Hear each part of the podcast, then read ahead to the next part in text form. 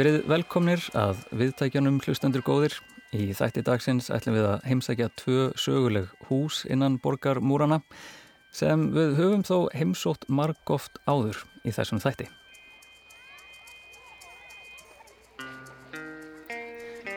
Þann 3. november síðastliðin var blásið til veyslu í Gunnarshúsi í tilemni útgáfu bókarinnar fulltrúið þess besta í bandarískri menningu eftir Haug Ingvarsson en í því stóra verki er fjallaðum landnám móternismans í íslenskum bókmyndum og bandarísku bylgjuna sem reið yfir bókmyndaheiminn á fjórða áratug 20. aldar.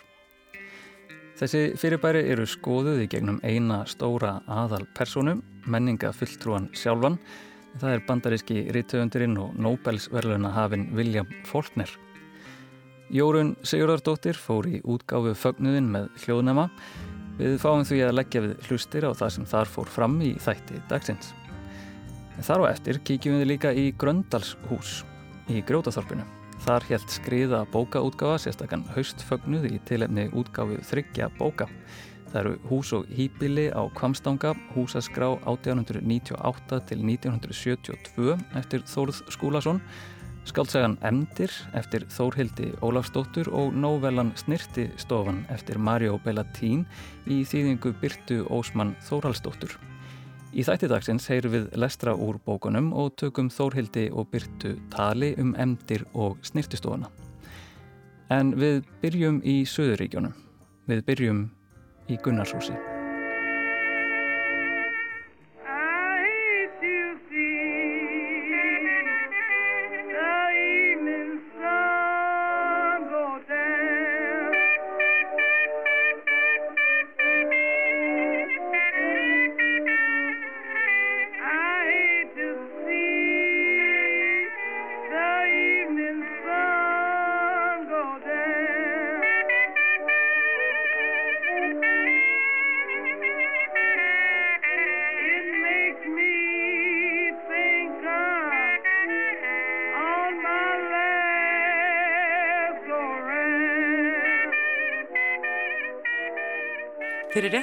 Mánuði kom út mikið verk til íslenskrar menningarsjó á 2000-öld. Bókin Fulltrúið þess besta í bandarískri menningu orðspor Williams Faulkner á Íslandi 1930 til 1960. Í tilöfnu útgáfunar emdi sögufélagi sem gefur bókina út til útgáfuhófs og höfundarspjalls í Gunnarshúsi þar sem höfundurinn Haukur Ingvarsson rakti nokkrar skemmtisögur í sambandi við bókina og doktorsritgerð sína sem bókin byggir á. En Haukur varði doktorsritgerðina við Háskóla Íslands 27. ágúst árið 2020. Síðan rætti Einar Kári Jóhansson, bókmyndafræðingur og framkvæmda stjóri sögufélagsins einnig við Haug um bókina og við skulum heyra nú fá einn brot af því sem framfór í Gunnarshúsi í þessu ágæta upptökuhófi en hlusta má á upptöku þessa höfundarspjalls í heilsinni á heimasíði þáttarins rúf.is skástrygg orðum bækur í einu orði. Það var Einar Kári sem bauð gæsti velkomna og fullirti að hér væri komin fyrsta coffee table fræðibókin á íslensku. Góða kvöldið. Ég heiti Einar Kári og býð okkur velkominn fyrir hönd sögufélags. Ég og Brynhildur Ingvarsdóttir og aðstandendur sögufélags erum óðurlega stolt af þessari stóru bókina. Þess að vorum að grínast með að þetta væri fyrsta coffee table bókmyndafræði bókin. Gunnar Þór Bjarnarsson, sagfræðingu, var eitt stjóri bókarinnar fulltrúið þess besta í bandarískri menningu og hann sparaði ekki stóru orðin um leið og hann undistrykkaði sérstaklega mikilvægi flæðisins á milli tveggja hugvísindagreina sem bók þessi vitnaðu. Já, mínum að þetta er þetta hérna, stórmerkili bók, hún er afarfalleg og hún er líka sko fallega innan, þar að segja innihaldið er ekki síðra en útlitið og ég get sagt ykkur eitt þeir sem eru ekki búin að handleikana að hún er uh, miklu, miklu léttari og meðfærilegri heldur en hún lítur út trefður. Samt var þetta nú stundum daldið þúnt, sko. Var, ég var svona daldið týstjandi, ég var að segja hann, en okkur viti því að sagfræðingu sé að reittstýra svona, svona bókmentaríti. En ég held þetta sé bara ekkert vittlust. Að brjóta bara upp þessar, þessar gerðingar milli fræðigreina. Þannig að, að, að kannski er þetta bara ekki eins vittlust og, og var. Og síðan bara einhendu við okkur í þetta og þetta var heilmikil vinna. Það var alltaf gefa út bækur og tekur alltaf aðeins lengri tíma og, og vorum alltaf svona aðeins á eftir áallun. En hér er bókinn og ég er afar ánað með hennar. Mér finnst hún bara með falleri bókum sem ég hef séð og ég öfunda ykkur sem eigi eftir að lesa hana sko. Það er náttúrulega mjög margt í þessari bók sem hefur mjög eh, sko víða skískotun og ég held að þeir bara almennt sem fjalla um íslenska eh, menningasögu um viðbygg 20. aldar eða um, um og upp úr meiri 20. öld, þetta er bara bók sem er ekki hægt að líta fram hjá. Aug þess eh, náttúrulega sem sögu heitjan fólknir er náttúrulega stórkostlega merkilegur og skemmtilegur kall og, og, og skemmtilegt hvernig haugur sagt, gerir heimsókn hans til Íslands að svona, svona miðpunti í bókina hann verður þetta persónleira og svo allt sem sprettur upp á því og svo náttúrulega aðdraðandin að því þessi, þessi bandaríska uh, innrás í íslenska menningu og íslensk bókmyndalíf sem byrjar aðeins fyrr þannig að þetta er mjög þart verk fræðilega, skemmtilegt og mun hafa áhrif bara takk fyrir mig og bara til hamingi með haug og bókina og góða skemmtum við lesturinn. Nú var loks komið að hauki yngvarsinni sjálfum sem síndi myndir sem þið hlustandur góðir verðið að ímynd ykkur. Heyriði, hvað er þetta hér? Ég veit að þetta lítur út fyrir að vera sjúkrabíl en þetta er eitthvað allt annað. Þetta er nefnilega transformer.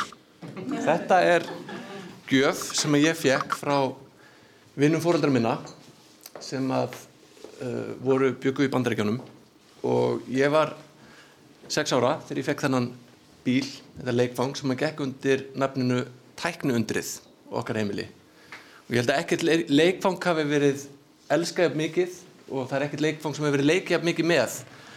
Þannig að þetta var bara Playstation 12 og, og allur heimurum fyrir mér í bara einu bíl. En þegar ég fór að hugsa af hverju fór ég að skipta mér á bandaríkjónum þá fór ég að hugsa um þennan bíl og hvað getur haft mikil áhrif að einhverju einn maður fara út í heim og fara að senda eitthvað tilbaka. Og það er þessi svona people to people hérna samskipti sem að sem að bandaríkjónum beittu af mikill snild sem að kannski var einna áhrifríkasta meðalið sem þeir beittu í í kaldastriðinu. Önnur byrtingamind kaldastriðsinn sem var líka mjög svona hérna, ljóslefandi fyrir mér sem litum dreng. Þetta er mynd sem pappi fórum að sjá í mjótinni, Rocky Fjögur, þegar hann hérna, berst við Ívan Drago, fulltrú á Sovjetiríkjana. Þið getið ímyndað okkur hvernig þessi bardagi fór. Þessi heimur kaldastriðsins er svona einhvers slags merkingar uppspretta fyrir flest okkar. Það lifir einhvern veginn af þessu svartgita heimi sem við hérna ólust upp við, kjarnorkuvanna og annað slíkt. Þetta situr einhvers starf mjög djúft í okkur öllum. Og það er svona í og með það sem ég er að fjalla um í þessari bók. Ég er að fjalla um fulltrúað þess besta í bandarísku menningu sem er ekki Silvestre Stallone eins og margir halda, heldur bandaríski rittöfundurinn William Faulkner í þessu tilviki.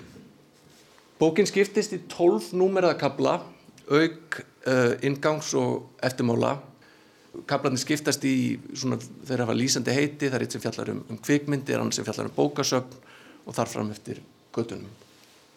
Hver var þessi William Faulkner sem að stendur hér með íslenskri flugfröyu um það leiti sem hann yfirgaf Ísland árið 1955.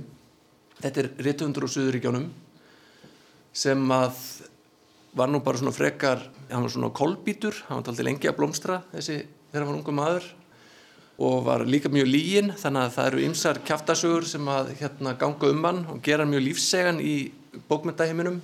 Hann saðist að skrifa skáldsögu á, á hjólpurum á þremmu vikum og hann lögð því hann hefði flóið í, í fyrir heimstyrjöldinni og, og rapað og fengið stríðsár og gekk um í hérna, flugbúninu sínum haldrandi í Suðuríkjónum og hérna, reynda að hella megar í enginnsbúningunum hann var lengi að komast til metorða.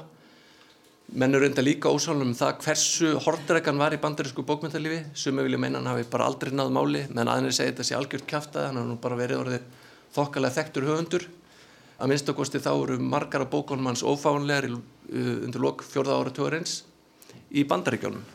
En þá kemur að þeirri sögu sem er sögð hér og er nokkuð nýjumnæmi að svona í fræðaheiminum vegna þess að venjulega hefur litið svo á að fræð fólknars hafi komið frá París og þar hafa hann verið uppgötaður en þegar maður fyrir að skoða stöðu eins og Norðurlöndum á fjörðarartögnum þá blasir við manni nokkuð forvetnileg mynd vegna þess að Fyrsta tungumálið sem var þýttur á í heiminum var norska. Það var árið 1932. Þá kemur heil skáltsa út. Sama ár kemur grein og, og hérna, þýðing á smásögu á sænsku og uh, undir lok fjórða áratugurinn sé hann líka þýttur á dönsku. The Wild Palms, hún er þýtt á dönsku fyrst allra mála. Þannig að hann var komið nokkuð sterkast stöðu á Norðurlöndum meðan hann var bara lít þektur höfundur í heimalandinu. En hann var ekki bara að skrifa bækur. Hann nefnilega áttu svo erfitt uppdráttar sem reytuhundur hann þurfti að fara til Hollywood til að sjá sér farborða. Og þá voru kvikmyndir gerðar byggðar á verkum hans og svo skrifaði hann líka handritað með skoðum bíómyndum. Mynd sem að byggir á einni þekktustu skáldsó hans uh, Sanctuary. En þessi bók þótti svo skjelvileg að það mátti ekki nota upprunnulega titilin á myndinni vegna þess að það er svo skelvilega senur í þessari bók að bandaríska kvikmynda eftirlitið ótaðist að fólk myndi fara að sjá þetta þegar ég held að þetta væri eitthvað slags klámynd. Þannig hún heitir The Story of Temple Drake. Og þessi mynd var sínd í Íslensku kvikmyndahúsum árið 1934 ásamt annari mynd sem að byggja á smásöfti eftir fólknir þannig að hér var orðspór hans komið til Íslands. Þó að liði, talsveit langu tíma að bókmyndaverkin væri þýtt Bækur Fóknes voru þá reyndar þegar orðnar algengar á bókasöfnu hérlendis. Guðmundi G. Hagalín bókaförðu sapsins á Ísafyrði sá til að mynda til þess að hans heimafólk gæti lesi þýðingar og verkum fókners á tungumálum Norðurlanda. Þýðingar skapa tengsl, þótt reglulegar syklingar og beint talsamband við útlönd séu mikilvirkari í því samhengi. Þessi tæknikerfi eru forsenda fyrir nazismannum og sósialismannum sem stóru hugmyndakenningum sem eru bara daldið eins og já þær eru svolítið eins og fótballtalegur þú veist, menn voru bara skipt um skoðun eftir því hver skoraði, þess er að vera að vinna nei, þess er að vera að vinna. Og þú þurftir að fá upplýsingarna strax og hratt og vel ef þú ætlaðir þeir að, að tilenga þeir þessar, þessar hugmyndafræði. Þannig að tæknin er svo stór hluti af þessari innreið nútímans. Það er ekki bara eftir að horfa á, á bókmyndirnar í einhverju tómarúmi. Þær talaði þessi um það byrju hundra námsmenn sem að fóru í, til námst í bandaríkjónum strax á tímum setni heimstyrjaldarinnar en það sem gerist í stríðin er það að listasöfni eru náttúrulega til dæmis bara lokuð viðast hverjum Evrópu og bandaríkjamenn þeir byrja að sanga að sér framstöfnuverkonum sem eru, sem eru bönnuð á, á listasöfnum viða þannig allt í hennu fyrir Kristján Davísson fyrir þegar hann fyrir til bandaríkjana þá er það til að sjá Picasso og Paul Klee. Þannig að eh, bandaríkjamenn fara allt í hennu að presentera sig sem vendara frjálsara listiðkunar. Þessi bók eru óvunlega fyrir bókmyndafræðri held ég að minnstakosti þau sem hafa komið út hér á Íslandi vegna þess að hún byggir á skjölum úr skjálasöfnum. Uh, skjálasöfnum í Bandaríkjónum, Noregi, uh, Svíþjóð og að litlu leiti uh, dönskum skjölum og það var eitt skjálasöfn sem að við langar ennþá til að heimsækja sem er í Chicago og þar eru geimt skjöl safnaðar sem að hétt Congress for Cultural Freedom og var stjórnað frá París en þar sátu uh, við Síman og við skrippborðin CIA menn og hérna þeir voru að svona, uh, senda ákveðin skilabóð sem þeir vildu koma á framfæri og þau bárust meðal annars synga til Íslands og ég komst þar inn í ansi veglegan skjálabunga þar sem eru samskipti uh, íslenskra mentamanna á hærivagnum við þessa CIA menn í, í París. Fólknir er náttúrulega rittuðundur úr úr Suðuríkjónum, hann skrifar breyðar skáldsögur þar sem hann er með allt samfélagið undir. Og þar getur hann náttúrulega ekki litið fram hjá svörtu fólki og örlugum þess. Og í gegnum verkin hans þá eh, sérmaður uh, umræðu um, um uh, það sem maður myndi kannski geta kallað hinn sem að verist vera einhverslega svona grundvöldur fyrir sjálfsmyndarsköpun fólks á, á Vesturlöndum. Og svart fólk er bara er bara mjög mikið í umræðinni og er mjög, mjög stórt atriði í kaldastriðinu líka vegna þess að sovjetmenn gerði svo mikið matur því hvað var komið ítla fram við þá í bandaríkjanum og börðu á bandaríkjamanum fyrir það. Þannig að hérna, það er kannski eina, eina skýringunum af því að, að menni svo Pól Robson voru í öllum plötusöfnum hjá sósialistum á, á Íslandi I dreamed I saw Joe Hill last night, alive as you and me. Says I, but Joe, you're ten years dead. I never died, says he. I never died, says he. In Ég er ekki bara að fjalla um bækur í hörðum böndum, ég líka að fjalla talsveit mikið um kilju útgáfu vegna þess að hún hefur mjög rótæk áhrif á stöðu fólknars á, á heimsvísu.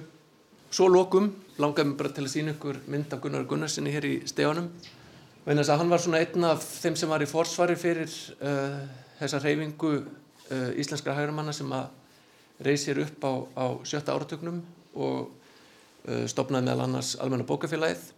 En Gunnar tók á móti fólknir hér á heimili sínu þegar fólknir komingað í óttubergmánuð árið 1955 maður getur svona lingt aftur augunum og ímyndið sér hvað þeim fór á milli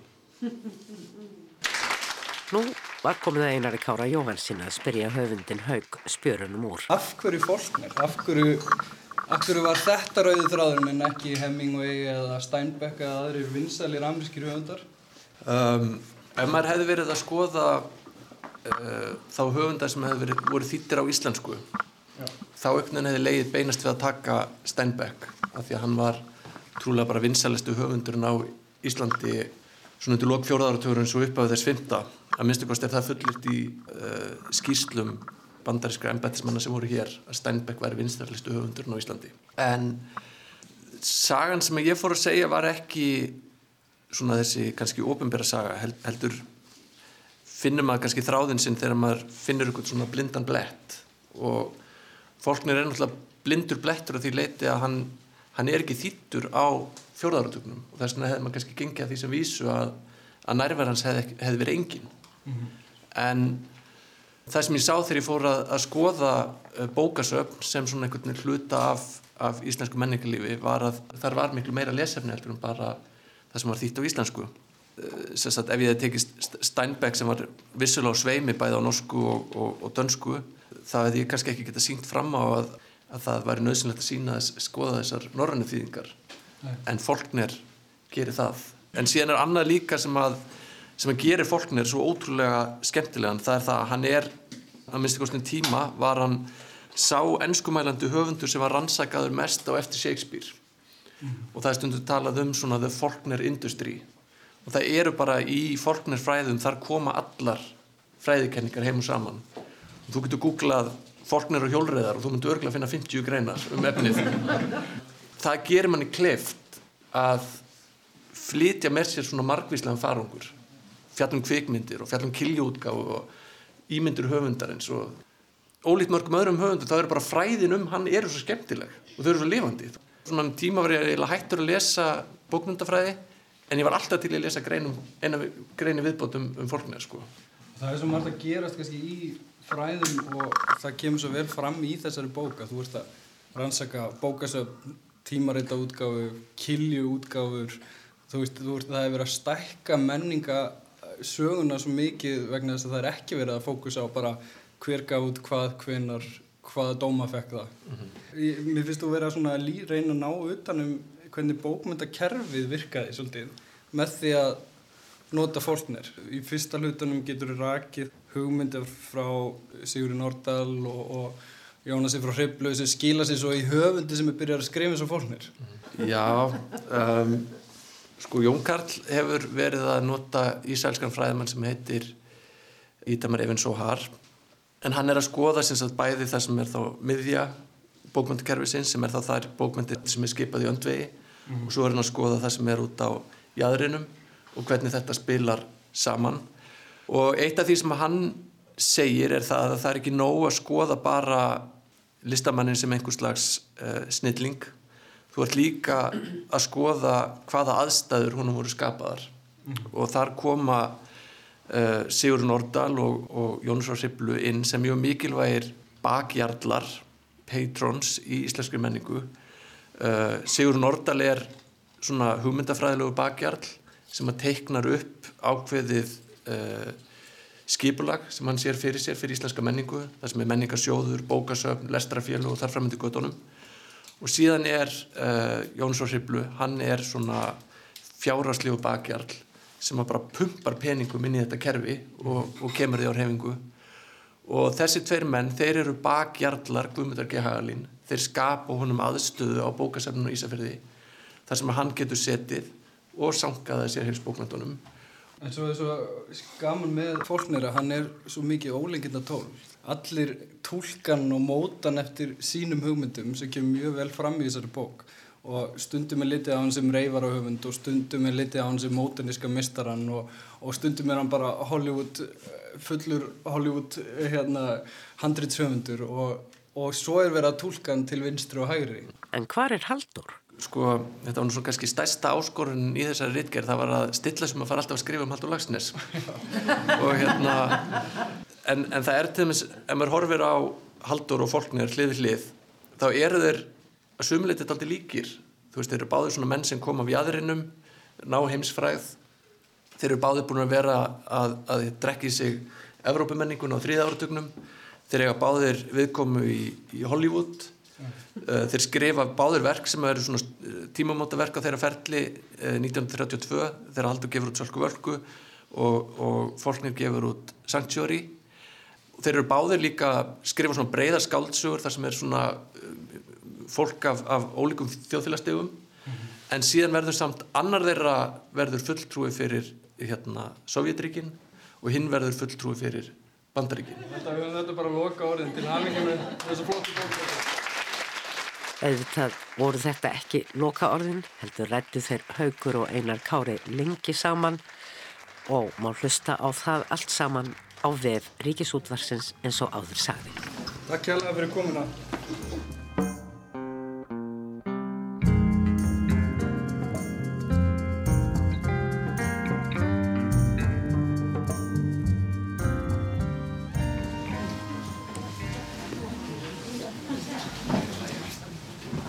Undanfarin þrjú ár hefur skriða bókaútgáfa sendt frá sér að var áferðafallegar bækur þar sem áhersla er lögð á örsögur, smásögur og ljóð. Bókaserían hefur sérstaklega litapalettu og hver bók kemur með innbyggðu bókmerkisbandi. En skriða hefur einnig gefið út barnabók og húsaskrá. Skriða er kannski óheðbundið forlag ef markam á heimasíðu þess en samkvæmt henni er útgefandi, stopnandi og rekandi bókaútgáfanar köttur sem nefnist einmitt skriða. Sérstakur tengiliður útgáfanar er hins vegar manneskja, Birta Ósmann Þórhalsdóttir, en hún blést til haustútgáfu skriðu í Gröndalhúsi á Kirlátu miðugutalskvöldi í byrjun november. En þar gaf forleiði út þrjár bækur, við skulum færa okkur niður í Grjótaþorp og heyra Birtu kynna bækurnar. Þeir eru til að bjóða ykkur hjartanlega velkomin á þetta útgáfu og skriðu, bókaútgáfu. Eh, því miður þá var kötturinn skriða útgáfustjóri útgáfunar, komst ekki því miður því að það er mikill músafaraldur á Patrísfjörði og hún gæti ekki farið fara á myndirvörnum. Þannig að hún bara skiljaði hverju og, og þakkar fyrir stuðninginu. En við erum að fagna útgáfið þryggja bóka í kvöld. Í fyrsta lagi þá er þetta mjög svo merkilega og ótrúlega vel gerða og skrifaða ritt sem að Þóruður Skúlason er búin að vinna að í mörg, mörg, mörg ár og hann ætlar að kynna fyrir ykkur um húsin á Kamstangum. Og svo er Þórildur Ólafsdóttir komin allarleið frá Fraklandi til þess að segja okkur frá emdum, fyrstu skáldsögunni sem hún skrifar, en hún gaf út í fyrra líka lóðabókina Brot og speilflísum sem hann ætlar líka aðeins að segja frá. Því að í fyrra var ekkert útgáfuhóf sögum COVID eins og allir vita. Og svo ætla ég að kynna þessa þýðingu, snirtistofan eftir Marja Bellatín sem ég þýtti úr spænsku og svo er að sjálfsögðu gamlu bækurnar líka. Þórður Skúlason tók fyrstur til máls og sagði frá sinni bók Hús og hýbíli á Kvamstanga, húsaskrá 1898 til 1972 en í henni rekur hann þróun byggðar á Kvamstanga á þessum árum. Bókin heldur skrá yfir 180 hús á Kvamstanga en hver fæsla inni heldur einnig sögu þeirra og skemmtilegar mannlýsingar á þeim sem hafa búið í húsunum. Sem og stöku kvæði sem orkt hafa verið annarkvort um húsin eða íbúa þeirra. Vendur hjartar gaf mig brugg, göduljósin fór á rugg, þá fann ég loksis fyrir vist í fyrsta skipti á jörðin snýst. Og svo er hérna, illt er standið ítum hjá, æri mandi á hendi, eða brandi engin á aðeins hland frá gvendi. Og svo kemur bragabót, fyrstur blandi botni rendi, burt er vandfísnin, sterkur landi gerður og gvendi gleður andaminn. Því næst tók Þórhildur Ólafsdóttir við og kynnti skáldsögu sína sem nefnist Emdir. Eftir útgáfuna plataði ég Þórhildi hingað upp í efstaleiti í stutt viðtal um bókina. This was, this was, this was, this was With its very own breath of brandy and death Dragging its tail in the sea Þórhildur Ólafsdóttir innilega velkomin í Orðum bækur. Þakkaði fyrir, þakkaði fyrir að bjóða mér. Og uh, mér langar að byrja að spyrja þig kannski stóru spurningarinnar, uh, emdir, um hvað ert að skrifa í þessari mm. bók? Já, ég held ég, ég er að skrifa um konu sem að er orðin velfullorinn, kannski komin undir sjötugt mm. og hún hérna hefur átt heima Erlendis megnið af sinni æfi og hún er komin á einhverja svona endastöð í lífinu, henni líður ekki vel og henni hefur oft ekki líðið vel, hún hefur verið bæði veik eða finnst henni hún hafi verið veik og hérna kannski eitthvað andlega veik.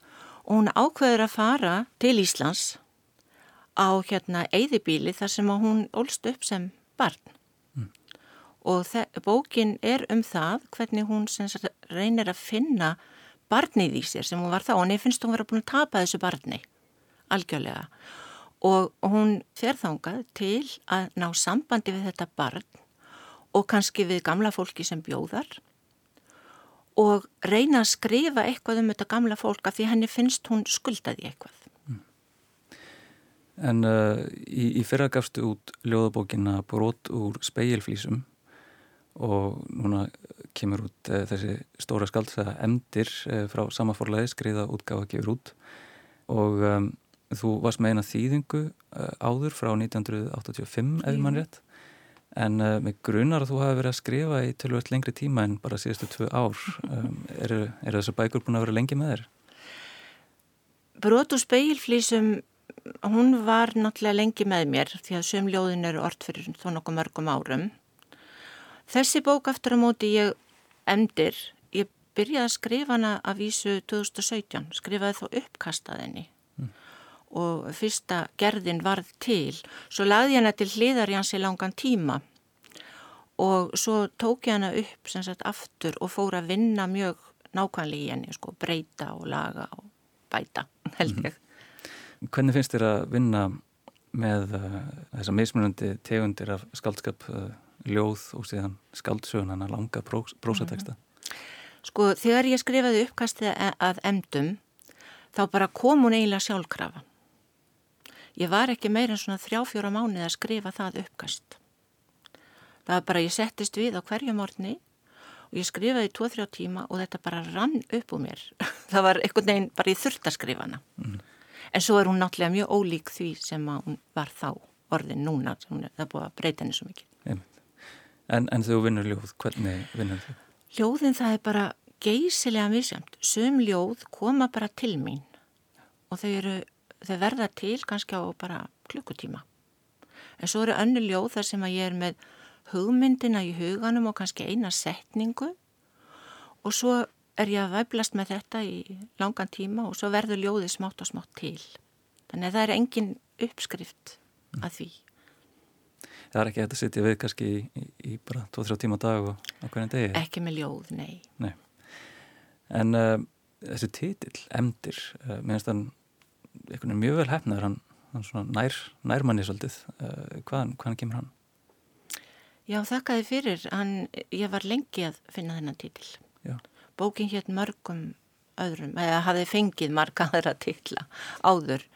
En það er þetta sem að þessi kona er búin að byggja upp með sjálf sér, henni finnst hún þurfa að efna eitthvað lovorð og það er í henni ansið mikil svona sektartilfinning henni finnst kannski hún hafi yfirgefið þetta gamla fólk sem bjóð þarna og búið allt og lengi erlendis og hún, hún er einhvern veginn að efna þetta loford að koma og vera með fólkinu sem að er dáið. Mm -hmm. Það er eitthvað, einmitt eins og lýsir, það, það er eitthvað sem sjáur hana, uh, Elisabethu Lísu eins og hún heitir. Uh, hún er búin að vera hjá sálgreinundum uh, Erlendis og gengi ítla að vinna með þeim. En svo fyrir hún í þessa já, svona, sjálfskeipuðu meðferð, mætti kalla, og, og skrifar þar, eða ætlar sér allavega að skrifa þar texta og, hérna, og nota þá kannski skrifin til að vinna úr einhverju líka. Um, mm. Notar þú sjálf skrifin til að vinna úr um, einhverjum svona, einhverju sem er að plaga þig? Ekki beinlínis, en þegar ég skrifaði þessa bók endir þá var sagt, nýbúin að verða mjög mikið sorg í fjölskyldunni. Tengdasónu minn sem var 36 ára fjall frá mjög skindilega og það sama ár dói mamma mín og pappi. Þannig að það var mjög erfitt ár, það var 2013 og ég held að það hefði byggst upp út frá því. Já. Ég held ég að við þurft að uh, koma einhverju frá mér sem að ég veit í raunin ekki hvað var. Það var bara, þannig einhver stöður í undir vitundinni, mm. skulum við segja. Hins vegar verði ég að segja, ég var í mjög miklum vafa hvort ég ætti að gefa út þessa skáldsögu og það er eiginlega henni byrtu ósmann hjá skriðu að virkilega að þakka að þessi bók er komin út. Mm -hmm. og meira að segja þegar bókin var að fara í setningu þá ringdi ég byrtu og sagði nei, ég er hætt við. En, eh, en hún hefur vissulega þannig svona uh, fortíðar og, og það er verið að reyna að ná þetta um kannski svona langt tímabil, stóra sögu. Og, uh, og þetta kemur kannski þetta fer inn í kannski allt annað fagfræðilegt mengi en uh, í bókinu að blandast uh, fortíð og nútíð mjög svona skemmtilega saman. Og þannig er mér að segja Lísa er verist vera eitthvað, eitthvað næm fyrir uh, jáfnveil svona yfirnótturlegum mm -hmm. samböndum. Um, hvernig svona hvernig er að eitthvað binda þessar eiginlega þrjár stóru sögur saman í eina? Um Ég held ég hafi ekkert hugsað mjög mikið um það. Mér Nei. fannst það bara að renna áfram. Mér fannst bara þegar hún var orðin einn þarna á þessum stað þá kom þetta fólk til hennar mm. og vildi tala við hana en það var samt oft mjög endastleft því hún missir síðan alltaf af því. Fólki kemur kannski aftur og svo verður hún stundum mjög einmanna og er að hugsa um hvað hún sé sjálf mikill aumingi og og hún ætti ekki að vera þarna og allt það. En, en málið er það að hún getur ekki alltaf verið í sambandi við þetta fólk. Hún er ekki að, er ekki að lýsa því. Það er eh, þannig séð heldur er hún bara að ræða við það þegar hún nær til þess. Mm. en hún nær alls ekki alltaf til þess. Og það verðst vera freka mikil ferða á, á skrifunum þínum núna undarfarið um, það kom þessi ljóðabók í fyrra brot úr speilflísum og síðan emdir skáldsæði ár þannig að ég verði að fá að spyrja þig eh, er næsta verkefni komið á borðið? Ég er alltaf með mörg verkefni á borðinu Já. ég á tölverta smásögum sem ég þarf að vinna í og ég er reyndar að skrifa daldi sem ég er mjög hrætt við okay. þannig að það gæti verið sko svona novella eða einhver styrtri skáldsaga mm -hmm. en ég er ekkert að flýta mér í bíli okay. ég þarf að fá kvilt núna aðeins frá þessu. Máttu segja mér hvað það er sem þú ert rætt við að skrifa um?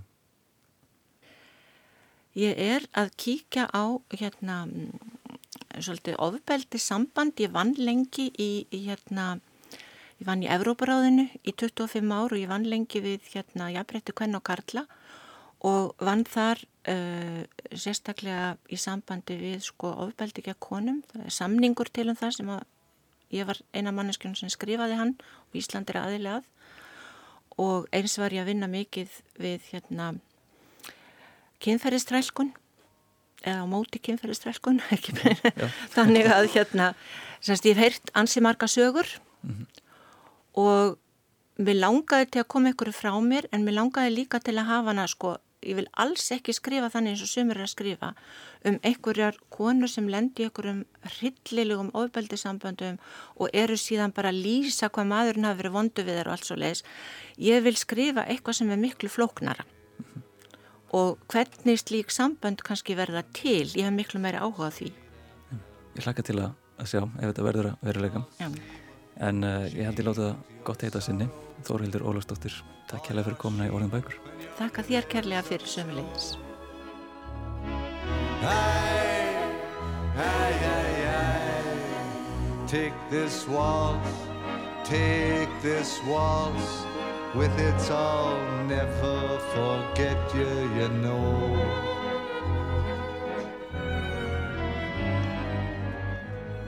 Við skulum stinga eiranu aftur inn fyrir dyr Gröndalshús og heyra Þórhildi lesa upp úr skaldsögunni Emdir á útgáfu fögnuði skriðu bókaútgáfu.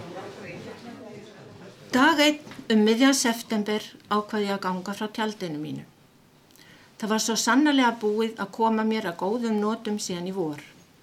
Þennan dag var bjart veður þó gólan veri svör og mér fannst að ég ætti að viðra tjaldið og þurka það vel áður en það færi ofan í pókan. Það hefði mamma gert og ég vildi fylgja þeim síð. Ég setti það aftur upp fyrir sunnan bæin, nákvæmlega á staðinum þar sem tjöldum var oft tilt upp í gamla daga, af gestum til dæmis. Sumir þeirra kom með tjald til að gista í. Eitt sinn setti mamma þar upp tjald sem hún saumaði handa okkur krökkunum úr kveitibókum. Hér og þar á kveitibókatjaldinu stóð enska orðið fláur og svo eitthvað fleira, kannski LBS. Ég man það ekki. Súluna voru traustlegar og þykkar, smíðaðar úr tréstörum, þarna inni var hátt til lofts og vítti veggja fyrir ítla stelpu og mamma létt færa dífana okkar krakkan út í tjaldið. Þá vissum við ekki orðið dívan var persnest orð og hefði reyndar sjálfstast alveg staðið alveg á samundar. Við fluttum dót okkar út í tjaldið og sváum þar stundum.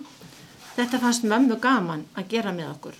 Hún vildi búskapast svona, búa til alls konar dót og líka tjöld ef ekki verið hægt að kaupa þau. Mamma varð aldrei ráðalaus, hún komst til ráðs við allt. Að komast til ráðs við eitthvað var orðatiltæki sem ég finnst hún hafa notað mikið og ég vil aldrei gleyma. Eftir að ég var búin að tjálta litla tjaldinu mínu lagðist ég einu sinni enn inn í það með lokuð augun og ímyndaði mér að ég lægi tjaldinu sem mamma hafði saumað. Örlítil góla leikum tjaldheiminn og veggina. Mér fannst ég vera komin inn í gamla tjaldi sem þá var splungun nýtt. Byrtan inn í því var daldi óraunveruleg, gulleit en eitthvað svo heimilisleg. Dúkkur og útsaumaði púðar sátu prúð á dífaninu mínum sem var skreittur grænu teppi. Það hefði alveg geta verið tyrknest og var það kannski. Allt er vænt sem vel er grænt, saði amma oft. Grænt var hennar uppáhaldslítur á samt lillabláu, saman voru þessi lítir eins og hrafnaklukkan í grængresinu. Og allt í einu sátu þær báða við hliðin á mér, amma og mamma, eldri og yngri konan á bænum, ólíkar, en hvor bætti hýna upp. Amma dáðist að tjaldinu og saumast nild mömmu.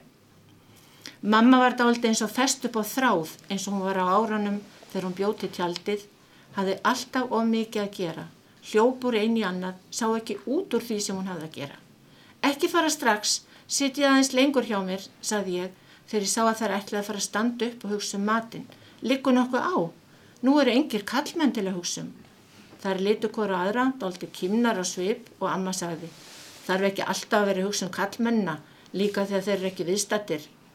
En mamma sagði ekkert, brosti bara lítilega, vissi sem var að þetta var rétt og engu þar við að bæta. Svo stóðu þær upp og fóru til að fást við potta og pönnur inn í bænum, en ég lá á eftir á dívaninum græna í tjaldin hennar mömmu, byrta var ljú og dempuð, rann á með höfgi. Mér heyrðist ég heyra Leonard Cohen syngja Take This Waltz, eitthvað staða langt í fjarska. Ég tegði mig í dúkkuna mína með brotna nefið, hann að lössu gömlu sem hétt réttu nafni Kaufélassa, því hún var keift í gömlu kaufélagsbúðin í þorpinu. Horði fast í augu hennar, strauk yfir plastöfiðið og saði lágum en ákveðnum rómi, ég ætla ekki alltaf að vera að hugsa um kallmenn þegar ég verð stór. Maður þarf að fá að vera í friði fyrir þeim, allavega stundum. Lassa kingaði kolli til mín og saði, ekki ég heldur. Og þarna lágum við á græna dívaninum á tyrkneska teppinu. Svo lifti steppið allt einu sveið með okkur út úr tjaldinu og flög upp í heimingeiminn.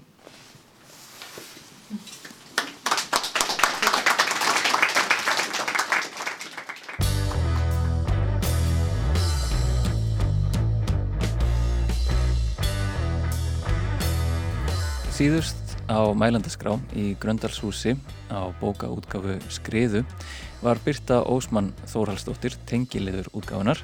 Ég hitti hana einnig í útvarpshúsinu eftir útgáfuna.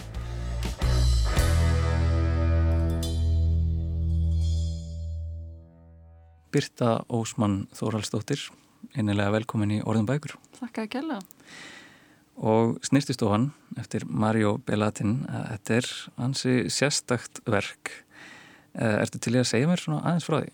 Já, þetta fjallar sér um þegar faraldur herjar á borg sem er ónefnd borg, ónefndum stað og þegar þessi faraldur herjar á að þá neyta sjúkur ás að taka við sjúklingunum, þeinum smituðu því að það er lítið vitað um þessa pesti og þar að leiðandi myndast einhver svona spenna og fólk er bara að deyja á gödum úti. Þannig að þessi maður sem er ónefndur líka í sögni, hann ákveður að skjóta skjólsúsi yfir nokkra einstaklinga sem eru síktir og það síðan verður aldrei flóki verkefni fyrir hann. Hann held ég fer inn í það af miklum svona kjarki og svona hann ætlar sér að gera mjög góða hluti en, en svo kannski eins og oft verður að þá verður einhver svona ringavillisa til. Mm.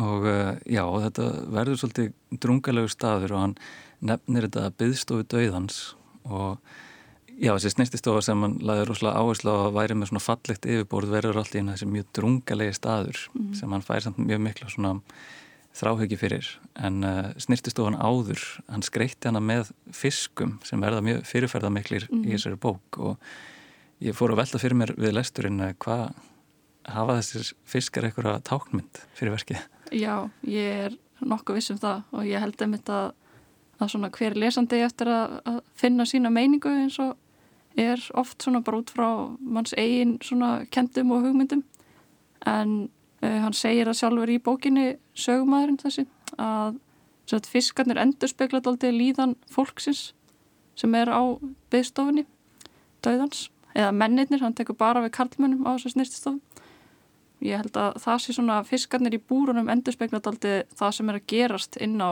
byggstofu döðans mm -hmm.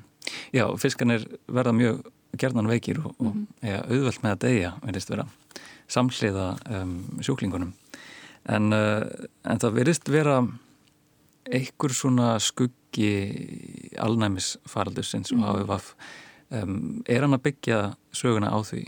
Já, þó að hann nefni ekki sjúkdóminni stað eða neinar mannskjur í þessu að þá hefur hann sagt það í vittilum að hann noti það sem inblástur fyrir þetta mm -hmm. sem er mjög áhugavert og því að núna ég var byrjað á sér þýðinga áður en að COVID-19 faraldurinn kom og það er bara svolítið gaman að fylgjast með svona hvernig samfélagið bregst við svona faraldurum mm -hmm. og hvernig fólk bregst við og verður þessi hræðsla og þú veist að passa þig að snert ekki einstaklingar sem eru síktir og þetta var bara svolítið gaman að að skoða þetta núna sko. Já, með allar þessar sóttvarna reglur við erum að lóka okkur af um, í okkar eigin fiskabúrum nánast Mhm. sko og hugsanlega verslast upp af ykkur best. En, uh, en það er líka blandast inn í þetta eitthvað sem var hálf órætt með að maður las að það var sérst, hann er klæðskiptingur maðurinn Mhm. sem að rekur byggstofu döðans og það eru síðan einhver glæpagengi í borginni sem verðast um, ganga svolítið fram af fólki Hva, Mhm. hvað glæpagengi er þetta? Já, það er hérna einmitt önnur spurning fyrir lesendur en ég sá þetta daldið sem sérsagt að því að fyrst hann er að vísa í HIVF faraldurinn þá tólka ég þetta þannig að þetta sé svona fólk sem að sé andstætt hinsægin fólki og klæðskiptingum og sé að ráðast á það þannig í minni hluta hópa Mhm. og ég held að þetta glæpa gengi getur henni bara verið hvaða sko svona keimi samfélagsi sem er sem er einhvern veginn á móti svona minni hluta hópum Já. ég sá þetta daldið þannig fyrir mér Já, þetta er svolítið svona jaðar Já. saga Mhm. en uh, höfundurinn Mario Bellatin að hann, um, hann er með núna stærri höfundum Róminsku Ameríku uh, Mhm. Getur þú sagt mér aðeins frá hver hann er? Já, hann hérna er fættur árið 1960 í Mexikoborg en fóreldrar hans eru frá Peru og hann flytti með hann ungan þarna. Og hann, hann telur sig vera Mexikana og hann er bara mjög áhugaverður karakter. Búið að vera mjög gaman að, að þýða þessa bók og tala við hann því að hann er svona skemmtilegur í tilsförum og bara fyndin típa, hann er, ég myndi eiginlega að kalla hann gjörningalistamann að þegar ég kem sjálfur myndlistinni þannig ég horfa á hann þannig en hann segist sjálfur bara að vera rítafundur og að rítverk getur orðið til ekkit bara á pappir heldur líka í gjörðum og aðtöfnum sem er líka mjög áhugavert Já, hann er þekktur fyrir svona, já, svona einkennilega hegðun kannski Já. í ákveðnum samhengjum. Já, hún finnst mjög gaman að fara á stórar hátíðir og vera að valda einhverjum smá svona usla.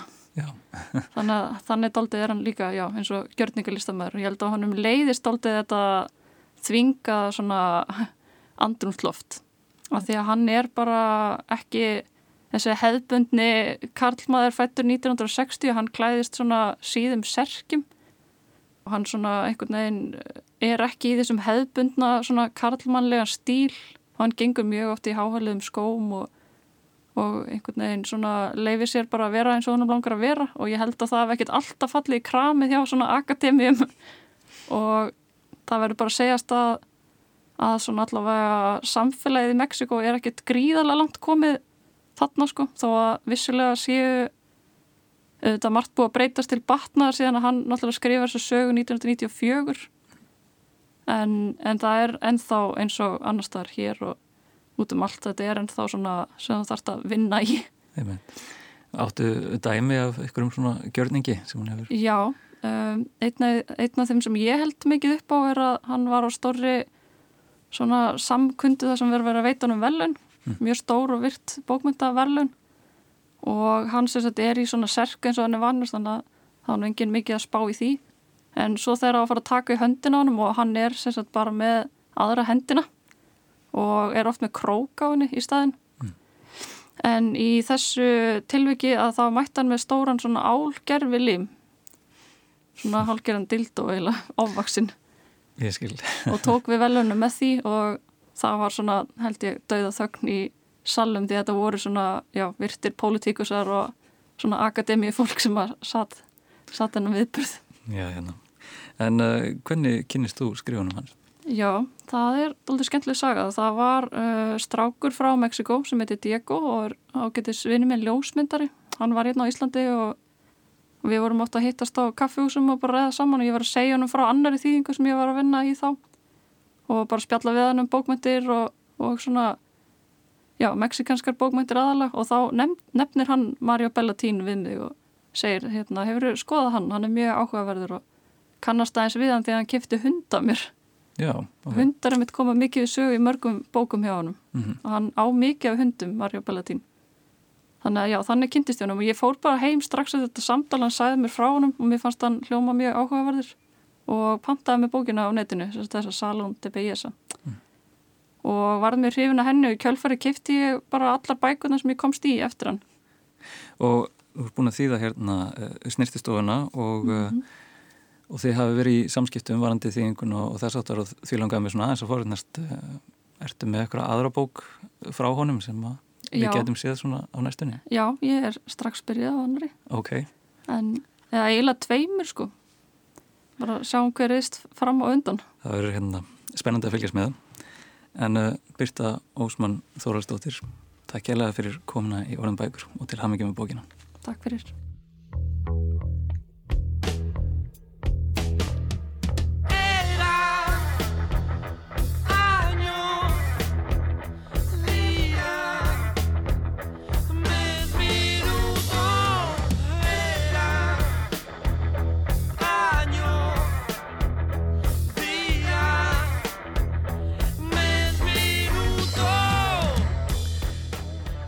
Orðum bækur verða ekki lengri að þessu sinni. Við minnum á að þættina er hægt að hlusta á á vefsíði RÚF, í spilaranum, í appinu og í öllum helstu hlaðvarpsveitum. Tæknumæður í þessari útsendingu var Úlfhildur Eisteinsdóttir. Við þökkum henni sérstaklega fyrir gott hljóð. Og við endum þáttinn í húsi skáldsins og heyrum þýðandan Byrtu Ósmann Þórhalsdóttur lesa upp úr bókinni Snirtistofan eftir Mario Bellatín. Fyrir nokkrum árum leti áhugið minn á fiskabúrum til þess að ég skreittist nýrtistofunum mína með fiskum í ótal litum. Nú þegar stofan er orðin að byðstofu dauðans, þar sem þeir sem eiga hvergi höfði sína halla geta eitt síðustu ævidögunum, hefur einst mér erfitt að horfa upp á fiskana hverfa einn af öðrum. Vera má að ómikið klósi í vatninu eða ég hafi ekki gefið mig næðan tíma til þess að sinna þeim sem skildi. Ég byrjaði á að rækta gúbifiska. Fólki í búðinni fullvisaði mig um að þetta veru lífsegustu fiskarnir og þar að leiðandi þeir auðveldustu til ræktunar, með öðrum orðum fullkomnir fyrir byrjanda. Þeir búa auk þess yfir þeim eiginleika að fjölga sér hjátt. Gúbifiskarnir hrigna, þeir þurfa ekki loftali og það þarf ekki að skipta um vatn í búrinu svo hrognin lifi. Þegar fyrst reyndi á hæfileika mína í þessu áhugamáli var heppnin ekki alveg með mér. Ég kefti miðlung stort fiskabúr og setti eina hrignu þar ofan í, á samt öðru kvendiri sem ekki var hrigna og einu karldýri með langan og litrikan sporð. Dæin eftir var karldýri dögt, það lág á bakinu innan um marglitu steinuna sem ég hefði hulið botnin með. Ég náði strax í gummihanskan sem ég nota þegar ég lita hár viðskiptuvinuna og tók dauða fiskin upp úr búrinu. Næstu daga gerist ekkert markvert. Ég reyndi einfallega að skamta hæfilega mikið af mat svo fiskarnir borðuðu hvorki yfir sig nýja dræpust úr hungri. Að skamta matinn hjálpaði auk þess til við að halda búrunni ávalt kristaltærum. Þegar hrignan hefði hringt uppást harðvítugur eldingaleikur. Hitt kvendirið vildi geta seiðin. Seiðin voru hins vegar svo viðbarfljót að þau sluppu með skrekkin. Þótt undarlegt megi virðast drapst móðurinn aðeins örfáum dögum síðar. Hún hefði haldið kyrru fyrir á botni fiskabúsin síðan hún ringdi, án þess þó að kviðurinn rýrnaði. Enn og ný varði ég að setja á mig hárlitunarhanskan til þess að fjarlæga döðu móðurina og styrta henni síðan niður í klósettið sem er á baku kofan þar sem ég sef. Vinnufélagar mínir voru aldrei hrypnir á áhugamáli mínu. Þeir fullirtu að fiskum fylgdi ógæfa. Ég tók ekkert mark á þeim og með tímanum kom ég mér upp fleiri fiskabúrum ásamt þeim nöðsilegu tækjum sem þurfti til þess að halda öllu gangandi. Ég varð mér úti um litlar loftdelur sem lit út eins og fjársjóskistur sem glemst höfðu á hafsbótni.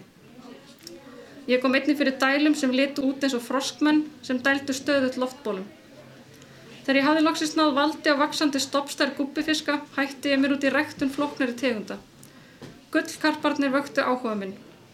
Í sömu búðinni komst ég að því að í ákveðnum menningarheimum er það eitt að virða fyrir þessu gullkarpa, talið dagrastýtting. Ég gæti setið tímunum saman og dásta endurkastinu frá hreistrinu og sporðunum. Einhver hafði síðar orð á því við mig að þetta væri undarlegt tómstundagaman.